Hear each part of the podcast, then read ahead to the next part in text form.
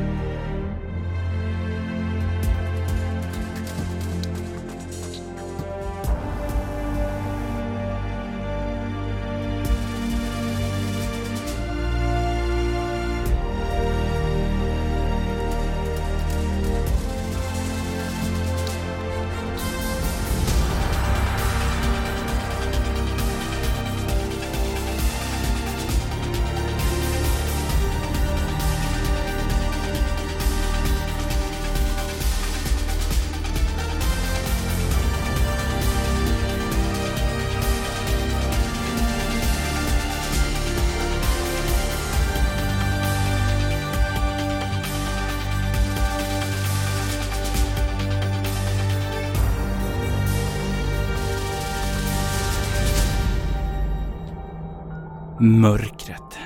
Det omger henne. Det ger henne inget ljus. Hon känner att någonting tar tag i henne och sliter henne undan. Aliona, hon skriker. Hon försöker slå undan händerna som håller henne. Men hon får inte loss dem.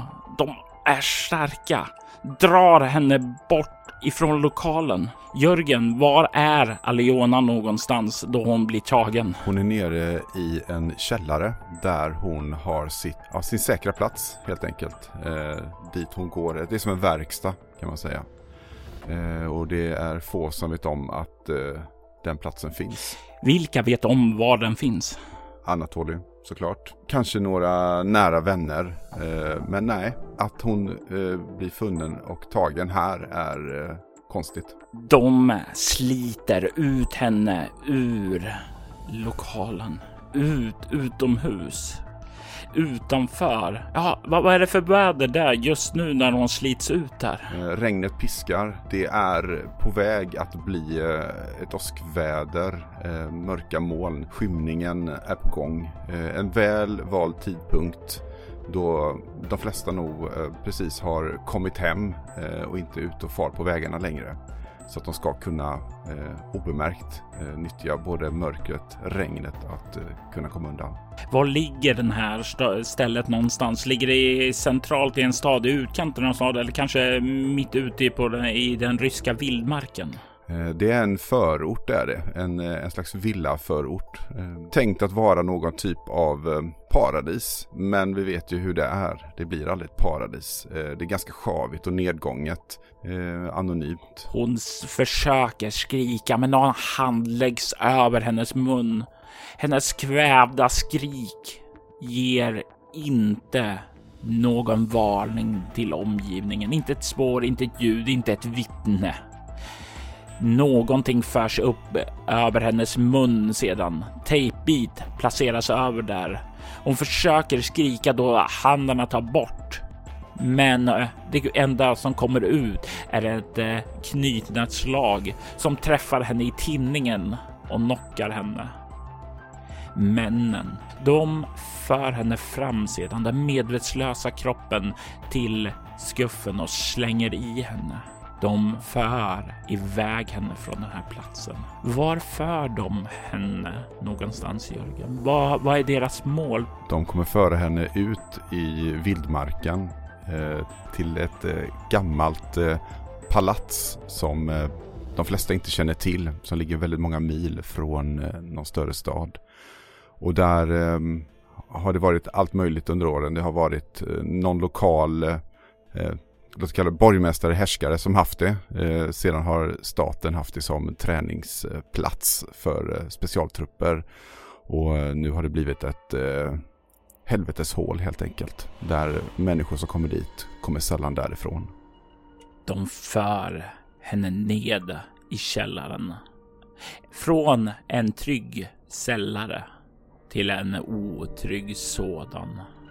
Tortyrverktyg hänger på väggen och hon, hon ser de stora och de vaknar fängslad vid en stol.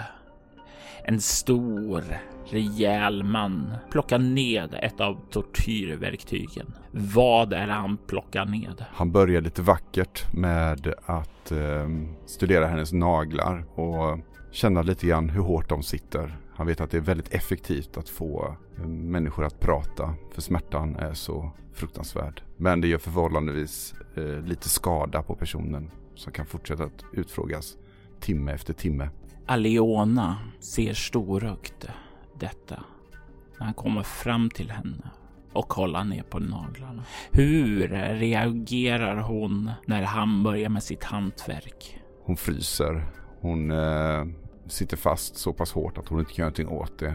Hon eh, går inom sig och eh, försöker bara härda ut. Hon vet att hon är fast. Den första nageln dras ut och hon vill skrika. Det finns ingenstans för hennes ord, hennes rop, hennes skrik att komma ut ur munnen. Det är kvävda rop av smärta. De sväljs nästan ned i halsen och ned i strupen. Två naglar. Tre naglar. Smärtan är enorm och mannen tar ett steg undan och stirrar sedan ned på sitt handverk. Vad är hans nästa del av planen? Han är nog lite imponerad över hennes motståndskraft och eh, tänker att eh, skendränkning, det brukar vara effektivt. Så eh, utan att hon hinner riktigt reagera så fälls hennes stol bakåt. Eh, hon faller ner eh, bakåtlutat och en fuktig handduk läggs över hennes ansikte. Och hon hinner ta ett djupt andetag genom näsan innan vattnet börjar forsa. Och det är ju fruktansvärt. Det är så himla fruktansvärt. Det är... Anatoli, du vaknar upp i din säng. Du hostar, chippar och du har svårt att få luft. Det känns som om du håller på att kvävas. Jona, Jona. Och du ser mörkret i din lägenhet. Du ser att den är tom. Det är säkert här inne. Du är ensam. Ensam och inte alls i närheten av din syster. Din kidnappade, försvunna syster. Det var bara en mardröm. En av många mardrömmar om vad som kan ha hänt med din syster. Hon har varit försvunnen länge och du har letat. Du har letat upp och ned, in och ut. Det har följt ledtrådar och de har blivit kalla och döda. Och sedan har de hittat något nytt och börjat följa efter det igen och sen har du dött. Du har äntligen fått ett nytt spår. Ett nytt spår ifrån en gammal kontakt från tiden då du först var eh, anställd av FSB. Du har ett nytt spår och det är väl antagligen därför mardrömmarna har kommit tillbaka. Mardrömmarna där du som elitsoldat har sett så mycket. Alltså du ser olika möjliga scenarion. Det ena värre än det andra. Och just den här otryggheten om att du inte vet vad som händer. Det får ju de här mardrömmarna att bli så mycket, mycket värre än för en vanlig människa. Vad gör du när du liksom återhämtar andningen? Börjar inse att det är en dröm. Klockan är framåt fyra på morgonen och det är först ikväll som du ska träffa Roskov på nattklubben Baba Yaga. Det är bara lite tidigare än jag brukar gå upp för att göra min morgonrutin. Så att jag, jag svänger upp eh, benen över sängkanten. Jag känner ju att jag är kallsvettig så jag glider snabbt i eh, träningskläderna. Går fram och eh, tittar ut genom fönstret och ser väl det första gryningsljuset vara på väg. Då tänker jag mig att du befinner dig kanske i södra delen av Ryssland då i så fall. Eh, ja, precis. Det är tidigt och eh, jag tänker att det är lika bra att ge mig ut på min eh, morgonrutin helt enkelt. Springa en mil. Eh, så jag tar på mig eh, träningskläder, skor, eh, Eh, och eh, lämnar lägenheten och ger mig iväg. En eh, ny sträckning såklart, som det är varje dag, men samma sträcka totalt. Jag tänker mig också att du har såna här funktioner på ditt grafeninterface, pulsklockor och varningar om hur fort du springer och allt sånt där bara för att övervaka, se, testa, utveckla, utvärdera. Precis. Jag brukar alltid vara väldigt noga med att eh, pusha mig så pass hårt att jag hela tiden blir bättre. Men inte ta ut mig för mycket för man vet aldrig vad det är för uppdrag som kommer under dagen. Så jag inte är, har full skärpa. Vad jobbar du med för tillfället? För tillfället så uh, håller jag på och driva, ett, driva upp ett företag som handlar med olika digitala produkter. Och jag brukar inte behöva dyka upp på kontoret förrän vid nio tiden ändå. Ehm, för det är ju precis i uppstarten egentligen. Så det är andra som håller på med det praktiska och så övervakar jag detta helt enkelt. Men det här är ju bara en fasad. Fasad för ditt arbete inom FSB. Du springer där och jag tänker du kan få ta och beskriva vem Anatoli är, Jörgen. Hur ser du ut? Jag är en eh, vältränad eh, medelålders man som eh, går att förväxla med en affärsman mer än en eh, militär person. Jag har en eh, god utstrålning, eh, karismatisk person. Samtidigt så eh, är det ju min fördel för det är många som tror att jag är just det en eh, affärsman och inte en eh, dödsmaskin. Jag håller mig väldigt lugn i alla situationer egentligen. Väldigt beräknande. Jag eh, använder ju gärna våld om det behövs, men inte först eftersom onödigt våld kan eh, ge uppmärksamhet vid fel tillfälle. Och eh, jag är väldigt långsint. Jag förlåter sällan och det ska mycket till om någon ska få min respekt efter att de har brutit mitt förtroende. Men framförallt varje dag när jag är ute och springer så går mina tankar till min syster Aliona som blev kidnappad. Och eh, jag känner nog smärtan i varje steg jag tar. Eh, men det är även det som driver mig vidare. För jag vill hitta henne. Jag måste finna henne. Det är ett rätt bra pass idag. Du slår kanske inte riktigt rekordet, men man kan ju inte slå rekord varje dag, särskilt inte om man ska vara redo. Du har ju det vardagliga arbetet att komma in och ta itu med. Men det är ju egentligen bara brus för dig. Det är ju rutinmässigt arbete och sådant som du gör med din kropp. Men dina tankar glider ju fram till kvällen. Kvällen då du ska möta Roskov och förhoppningsvis få nya ledtrådar om var hon kan befinna sig. Var hon kan hållas under dagen, gör du någonting särskilt inför detta möte? Nej, jag tror inte det. Jag eh, ser detta som ett eh, lågriskmöte. Det är en publikplats. Det kommer mycket andra människor där såklart. Jag överväger på om jag ska vara beväpnad eller inte faktiskt. Så säker känner jag mig eh, inför kvällen. Eh, men jag kommer att eh, smyga med en kniv på kroppen eh, på något lämpligt ställe. Baba Yaga, det känner du till att det är en nattklubb. Det är tung syntmusik som dunkar där. Mycket billig sprit, mycket dansande.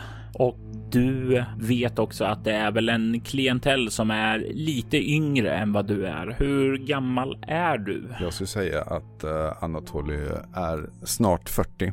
Någonstans 39. Och eh, Baba Yaga är väl mer för dem mellan 20 eh, och 30.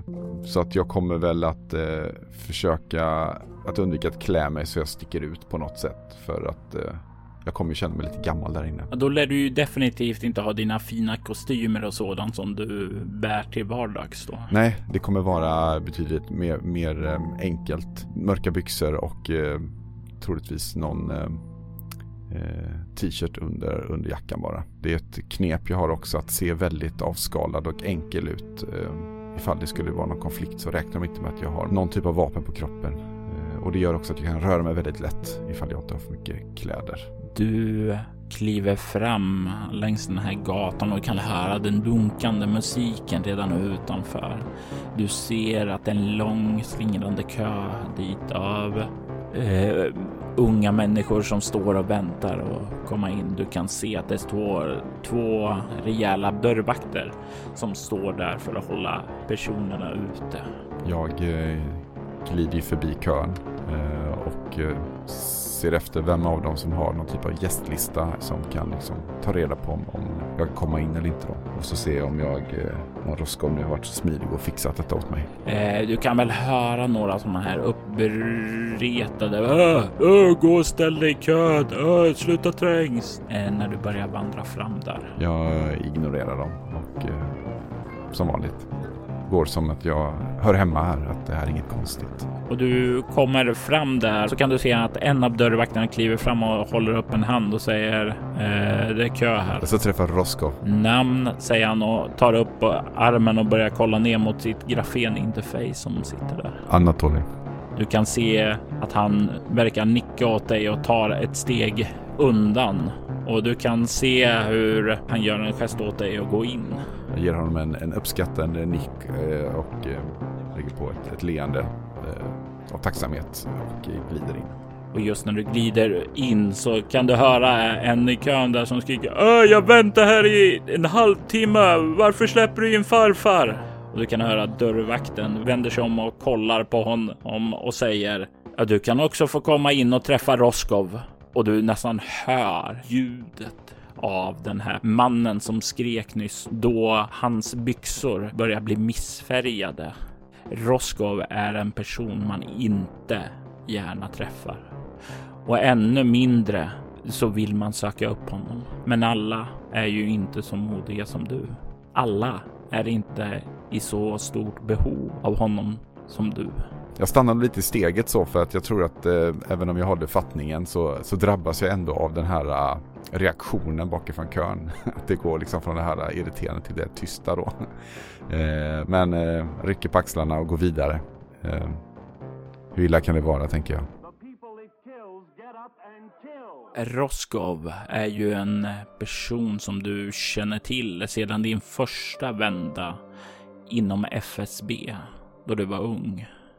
Han var ju då en person som kunde dela med sig mycket av information och sådant där. Han var då inte riktigt lika inflytelserik som han var nu.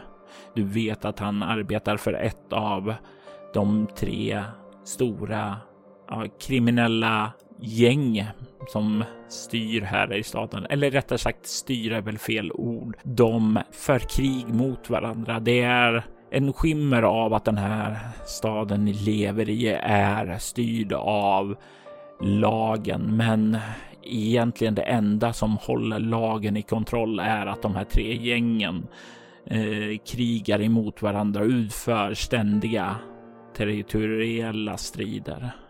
Men dina kontakter säger att han nu ska ha ledtrådar till din syster. De har hört det och du stämde möte med honom för att få dem och han ville möta dig och det är därför du är här. Du kommer in på Baba Yaga och du kan höra den dundrande musiken. Den stiger ju i ljud när du kommer in här. Du kan se dansgolvet breda ut sig en halv eh, trappa ned du kan även se en bar längre bort och sen så kan du se en trappa som leder upp till en övervåning som är liksom inte en ordentlig övervåning utan det är en sån här tänkte liksom ställningar som är uppbyggda där uppe. Lite rangligt, lite osäkert, men ändå väldigt, väldigt populärt.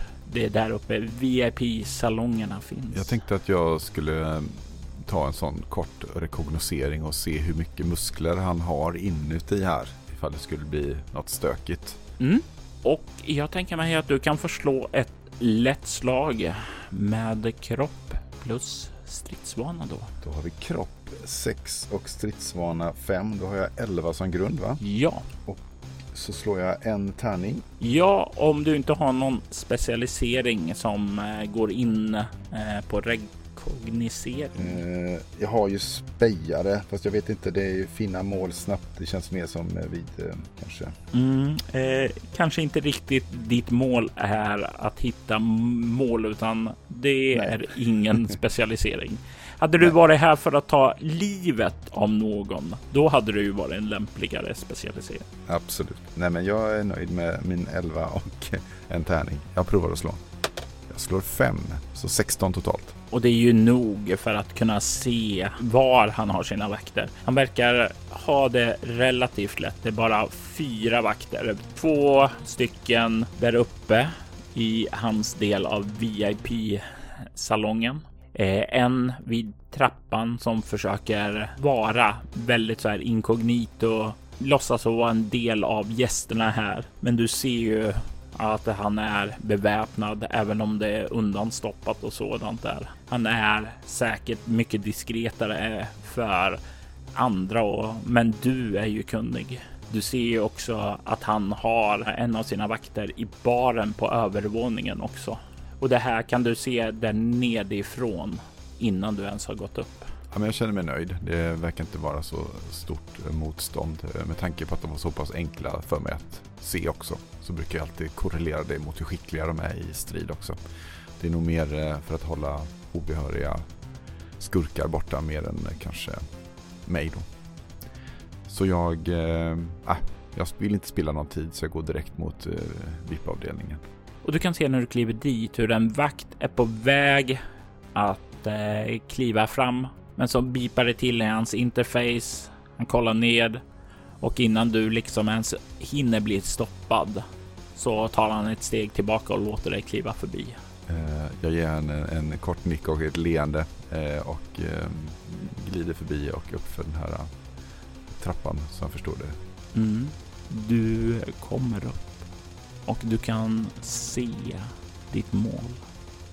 Du kan se Roskov och sitter och pratar med en ung kvinna där ja, på ena sidan och en ung man på den andra.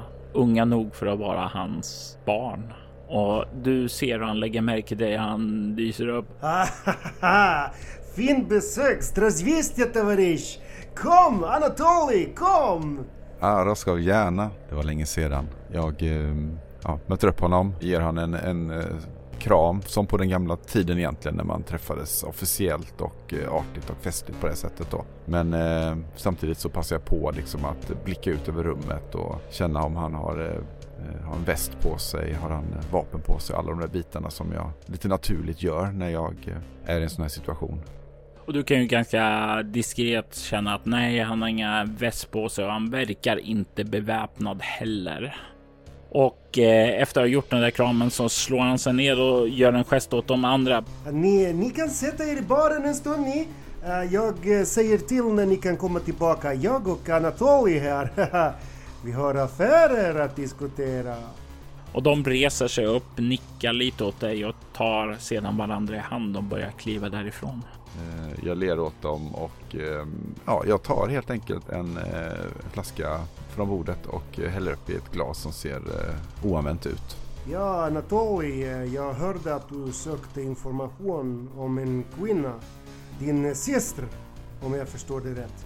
Ja, och jag får ett eh, ganska hårt drag över, för det gör väldigt ont eh, när jag tänker på henne och nu när jag, det blir så viktigt helt plötsligt att eh, jag kanske kan få veta någonting så att eh, jag, jag tar faktiskt eh, lite av vodkan och eh, dricker och eh, ja, eh, Aliona, eh, min syster, har ju, var ju, hon blev ju kidnappad eh, för ganska länge sedan och ja, Roskov om jag ska vara ärlig så ja, jag är ganska desperat i det här. Jag hoppas verkligen att du kan hjälpa mig att hitta information. Jag lägger på en extra sårbarhet eh, som inte finns egentligen. Eh, jag spelar på de känslor jag har men överdriver dem lite så att han kanske ska sänka garden lite grann. Eh, antingen till att han berättar det för mig utan att kräva för mycket för informationen. Eller att eh, han kanske ser mig som eh, svagare vilket kan vara en fördel eh, vid tillfälle. Jag tänker mig att du kan få slå ett svårt slag med utstrålning plus kameleont. Utstrålning 4. Kameleont har vi där 4, alltså 8 grund och svårt slag ska upp i 15 och då slår jag en tärning för, eh, ja, charmerande har jag. Fast kan jag använda den i det här eh, sammanhanget? Vad står det vid specialiseringen? Det står två tärningar vid alla sociala handlingar där Anatoly använder sin charm. Det kanske jag inte gör, jag använder min svaghet där. Så det kanske inte... Ja, precis. Och jag tycker du svarar på din fråga där alldeles. Japp, då kör vi på det. Jag slår en femma. Så 13 så jag misslyckas. Ja, skulle jag vilja säga till det. Det är ett marginellt lyckat och jag tänker ge dig ett val här. Oh, lyx. Vill du så kan du få igenom den här sårbarheten som du beskrev. Men det kommer då att eh, ge dig en bestående förlust i utstrålning. Jo, men det tar jag gärna. Det är det värt. Jag förstår. Jag förstår. Eh, som jag sa tidigare då vi bestämde möte så har jag lite information som kan vara nyttig för dig. Ja, nu, nu är det ju ett tag sedan din syster försvann. Men eh, utifrån de bilder som finns på din syster och uh, algoritmi på hur hon ser ut idag så eh, kan jag ha fått napp. Mm. Ja, Bože moj. Jag vet inte hur jag ska säga det här men mina kontakter säger att hon hålls eh, fånge på ett eh, industriområde. Ja? Ett gammalt industriområde övergivet sedan länge. Uh, ungefär eh, tre mil utanför staden men uh, ja, ja, hon är inte ensam där. Vad jag förstår så är plats de tar fångar, Gulag, det, det är en station. om du förstår vad jag menar. Var det här länge sedan? Ja, jag hörde det här för en dag sedan och... och sen kollade han på grafeninterfacet. 13 timmar sedan. Vad är priset? Är du fortfarande kvar inom Capshaw Commonwealth Securities? Jag har eh, kontakter där, ja. Mm -hmm. da, da, da, da, da. Det kan fungera. Jag eh, kommer troligen att behöva uppgradera vår arsenal med lite tyngre bestickning inom, inom kort och jag behöver någon som kan eh, fixa det. Tror du att du är min man? Ja, skicka listan bara. Jag kommer, jag kommer lösa detta. Jag ska. Den informationen är väldigt värdefull för mig. Ja! I så fall är min information din information, brachiche. Säger han och tar upp sitt grafeninterface och skickar över en karta över det här industriområdet. Och du kan ju se att det är ett stort inhägnat område. Eh, du kan se att det finns en byggnad rätt åt vänster där direkt som verkar vara någon typ av förvaringslokal. Du kan se tre stora olika parkeringsplatser och sedan en byggnad rätt åt höger och det verkar vara en adminbyggnad. Längst bort i den bortre delen så kan du se att det verkar vara två fabriker där och det finns höga skorstenar där. Uppenbarligen så har det sprudlat ut mörk olycksbådande och säkert giftig rök där en gång i tiden. Men de onekligen högsta eh, skorstenarna verkar sträcka sig 20 meter. Du kan också se en liten vit rektangel där och det är ett inhägnat område i det inhägnade området och det går endast att nå inifrån de här industrilokalerna.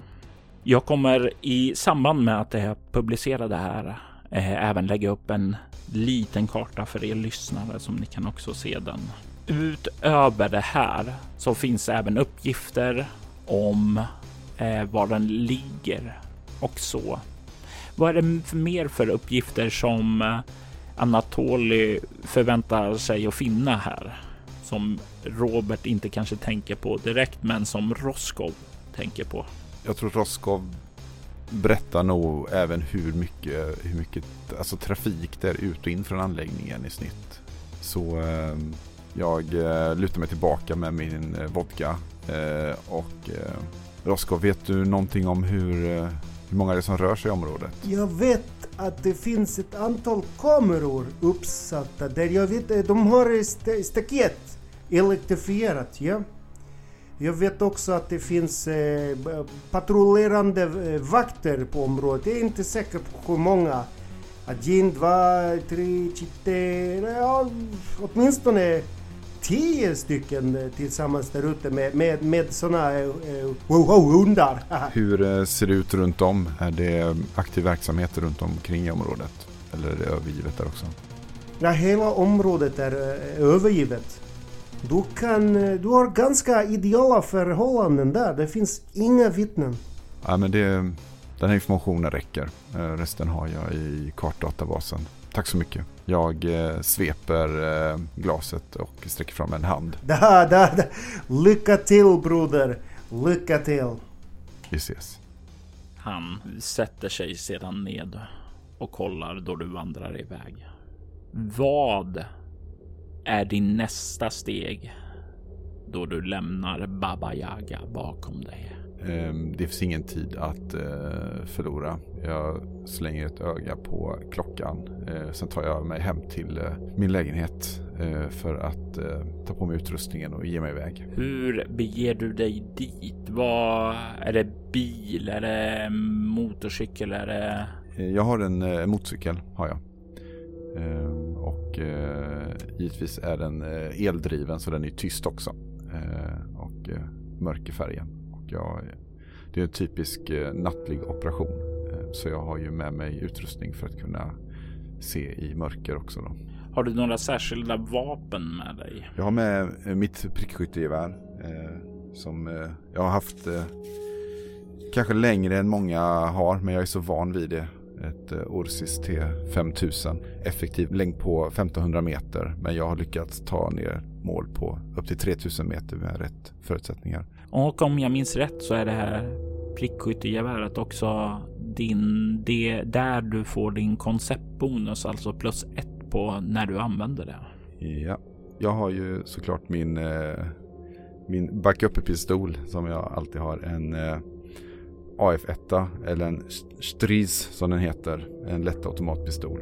Eh, som eh, ligger som eh, gjuten i handen ifall det är så att jag behöver skjuta någon på nära håll helt enkelt. Med ljuddämpare då också, tänker jag. Med ljuddämpare på den ja. Sen så har jag såklart en, en, en skottsäker väst på mig under de, den svarta eh, taktiska uniformen. Har du någon mer speciell gear med dig när du beger dig ut dit? Eh, jag har nog med mig någon typ av eh, stridsdrog också. Eh, alltså jag tror inte att jag kommer behöva använda det. Jag försöker undvika det. Jag har ju även ett eh, mörkervisir också så jag kan se bra i låg belysning. Det är alltid bra att ha verktyg om de behövs. Men det är ju sällan som någon erbjuder sig en större utmaning mot dig.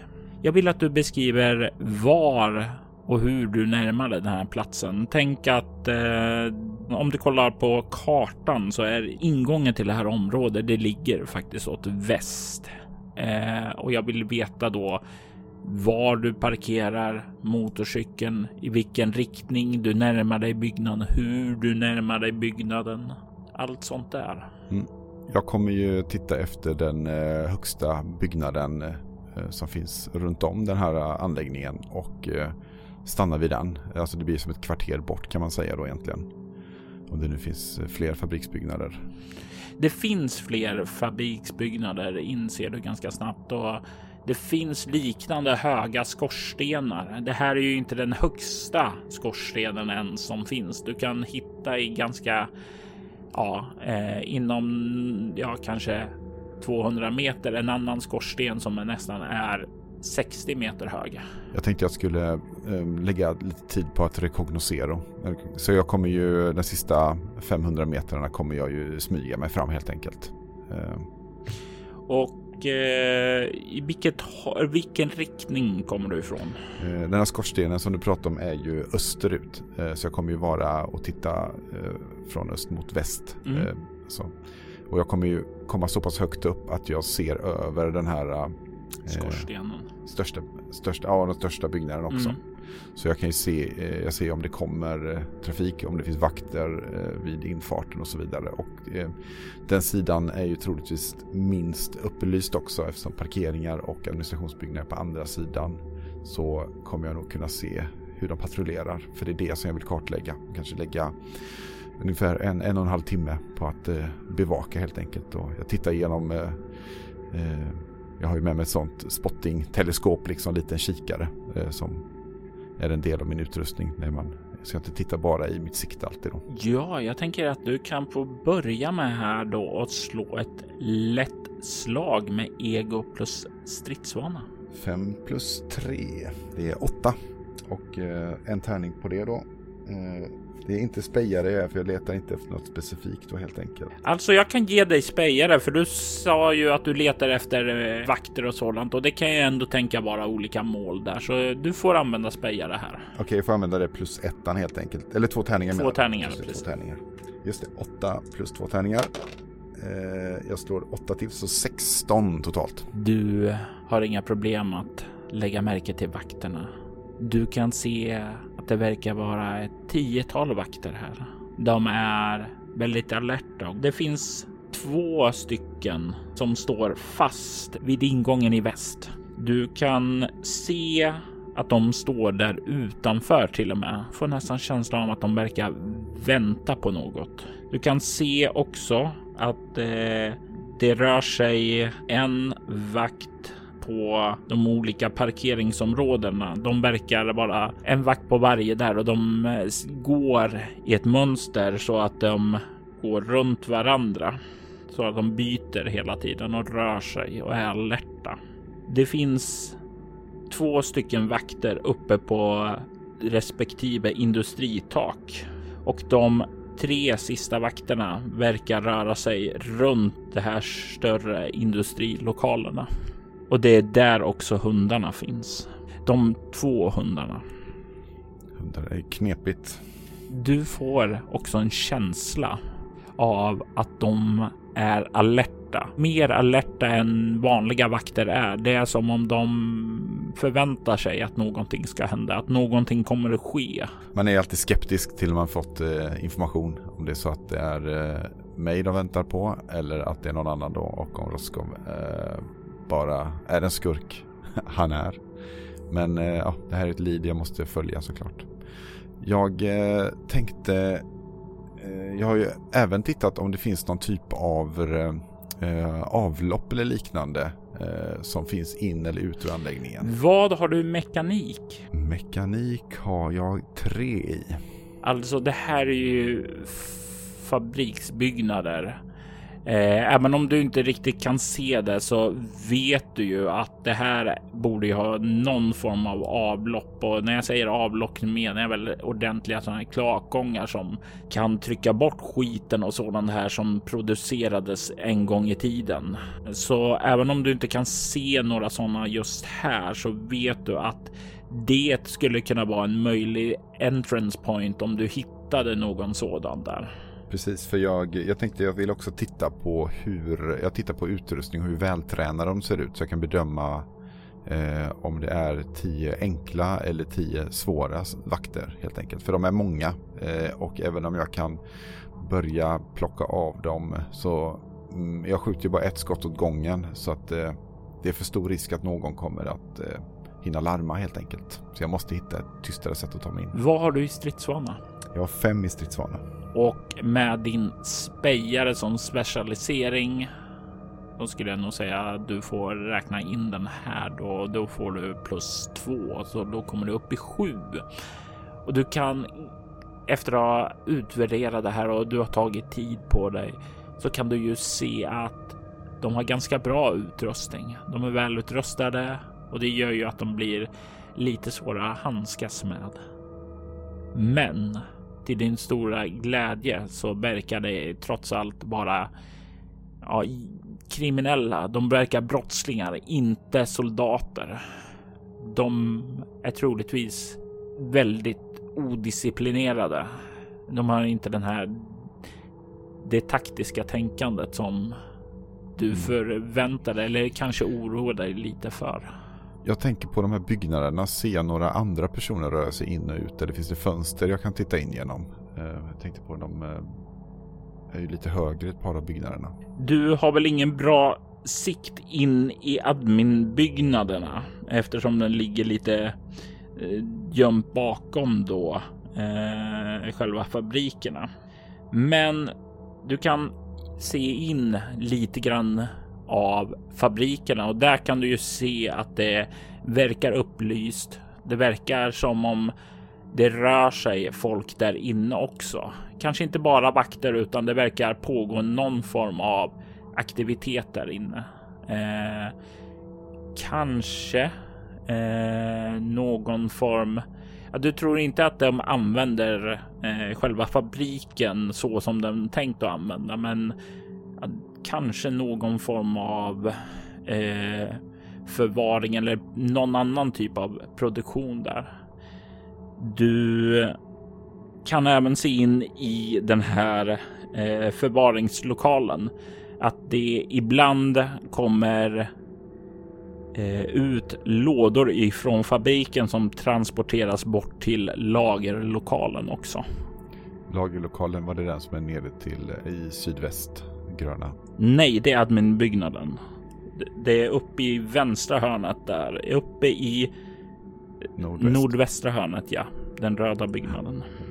Eh, kan jag se vad det är? Är det typ tunnor med något som ser eh, lättantändligt ut eller är det lådor? Jag skulle väl säga att eh, det är nog kategori 1 tunnor med någon lättantändligt i. Mm, ja, oavsett hur otränade vakterna är så har de förmodligen någon typ av rapporteringsrutin. Ehm, så att om jag skulle börja skjuta härifrån nu så skulle jag ha väldigt kort tid på mig att eh, ta mig in och eh, ändå göra någonting. Så att jag kommer gå på spåret att jag kommer försöka smita in och se om jag kan hitta en eh, ingång via något kloaksystem eller liknande. Eller om det finns någonstans där det här någon svaghet i försvaret runt då. Eh, till exempel en, staketet är trasigt eller man kan krypa under någonting. Så jag tar mig ner helt enkelt och eh, försöker använda min eh, intelligens för att hitta vad en kloak skulle kunna vara. Någon typ av. Jag tänker mig att du kan förslå ett lätt slag med egomekanik. Då är det 3 plus, eh, så vi mekanik 3, 6. Och jag slår en 2, så 8. Det är ett marginellt lyckat. Och återigen så ställer jag dig inför ett val. Du kan hitta en del av klaken i en övergiven industri som du kan ta dig in i. Och då kan du börja röra dig fram och in under det här området och se var du kommer upp någonstans där inuti. Förbi staketet, förbi kamerorna som finns där. Men då kommer du att behöva ta en bestående förlust i ego. Jag tänkte man skulle få den utstrålning för man har varit nere i kloakerna, men ego kan vi ta. Det är ju snarare att det tar fokus ifrån dig. Det tar extra tid och koncentration och sådant där. Det tär lite grann på ditt eh, fokus. Det är därför du får den i ego. Det kommer göra att det blir sedan lite jobbigare och lite mer trögt att tänka på lösningar och sådant längre fram. Ja, ja jag går ju de här och tack och lov har ju de här kloakerna inte använts så mycket men det finns säkert en hel del spillmaterial här som jag försöker undvika att andas in helt enkelt. Har du med dig någon typ av eh, gasmask och sådant? Eh, Nej, det tror jag inte att jag har faktiskt. Jag är väldigt lätt packad idag. Då tänker jag mig kanske att det är snarare så här att du drar någon så här sjal eller sådant upp tröjan eller något sådant för mun och näsa då. Ja. Vad har du obemärkt? Obemärkt har jag fyra. Du har inga större problem att röra dig genom de här gångarna och du kan snart ta dig in under det här området till industrin. Du följer den här tunneln och du kan snart se att den börjar grena upp sig och jag, jag tänker låta dig slå ett lätt slag med egomekanik för att eh, se om du kan manövrera dig till en lämplig plats eller om vi slumpar var du kommer upp någonstans. Precis, vi försöker här. Jag har då fem i grund och ska slå en tärning och här kommer den och jag slår en etta. Så att jag tror att jag tror mig veta vad jag är. Men den här lukten här nere och de här Eh, det är mörkt även om jag har hjälpmedel så det finns inte så mycket ljus som det bidrar till. Så att eh, jag tror att jag tar fel sväng helt enkelt och kommer inte upp där jag trodde. Var trodde du att du skulle komma upp? Eh, jag tänkte att jag skulle komma upp i den närmare bort i den här lagret helt enkelt. För att där kanske jag kan eh, göra någonting för att göra en eh, distraktion om det nu var explosivt material där. Och samtidigt så kändes det som att om de nu har eh, henne här någonstans eh, så ja, det är klart de kan ha gömt henne under i, i den nordöstra eh, också såklart. Jag tror mer på att det där, där är folk. Så att det, ja, det är så jag resonerar i alla fall. Mm. Och jag tänker slå en slumptärning nu för att se var någonstans du kommer upp. Du kan se ja men där, där, där finns det en uppgång. Det finns en stege som går att klättra upp för och du känner att du är där du ska. Du börjar klättra uppåt och du kommer upp till luckan och försöker försiktigt skjuta upp den antar jag. Ja. Jag vill att du slår ett kropp plus obemärkt. Ett lätt slag för att inte göra några ljud ifrån dig. Då har jag sex i grund. Eh, plus fyra. Så tio. Du skjuter försiktigt undan där och kollar upp. Och du inser att du är inte där du trodde du skulle vara. Du befinner dig i närheten av vad som ser ut att vara en gammal smält ugn. Lite längre bort så kan du se ett eh, fabriksband som verkar ha sin ändstation här. Du ser gamla vagnar som står där borta. Det luktar gammal bränt gummi här. Det är en obekväm doft. Du verkar vara inne i fabriken och du kan höra fotsteg närma sig.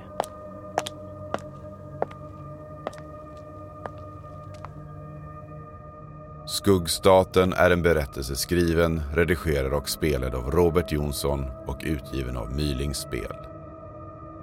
I detta avsnitt hör vi Jörgen Niemi som Anatoly Pavlov.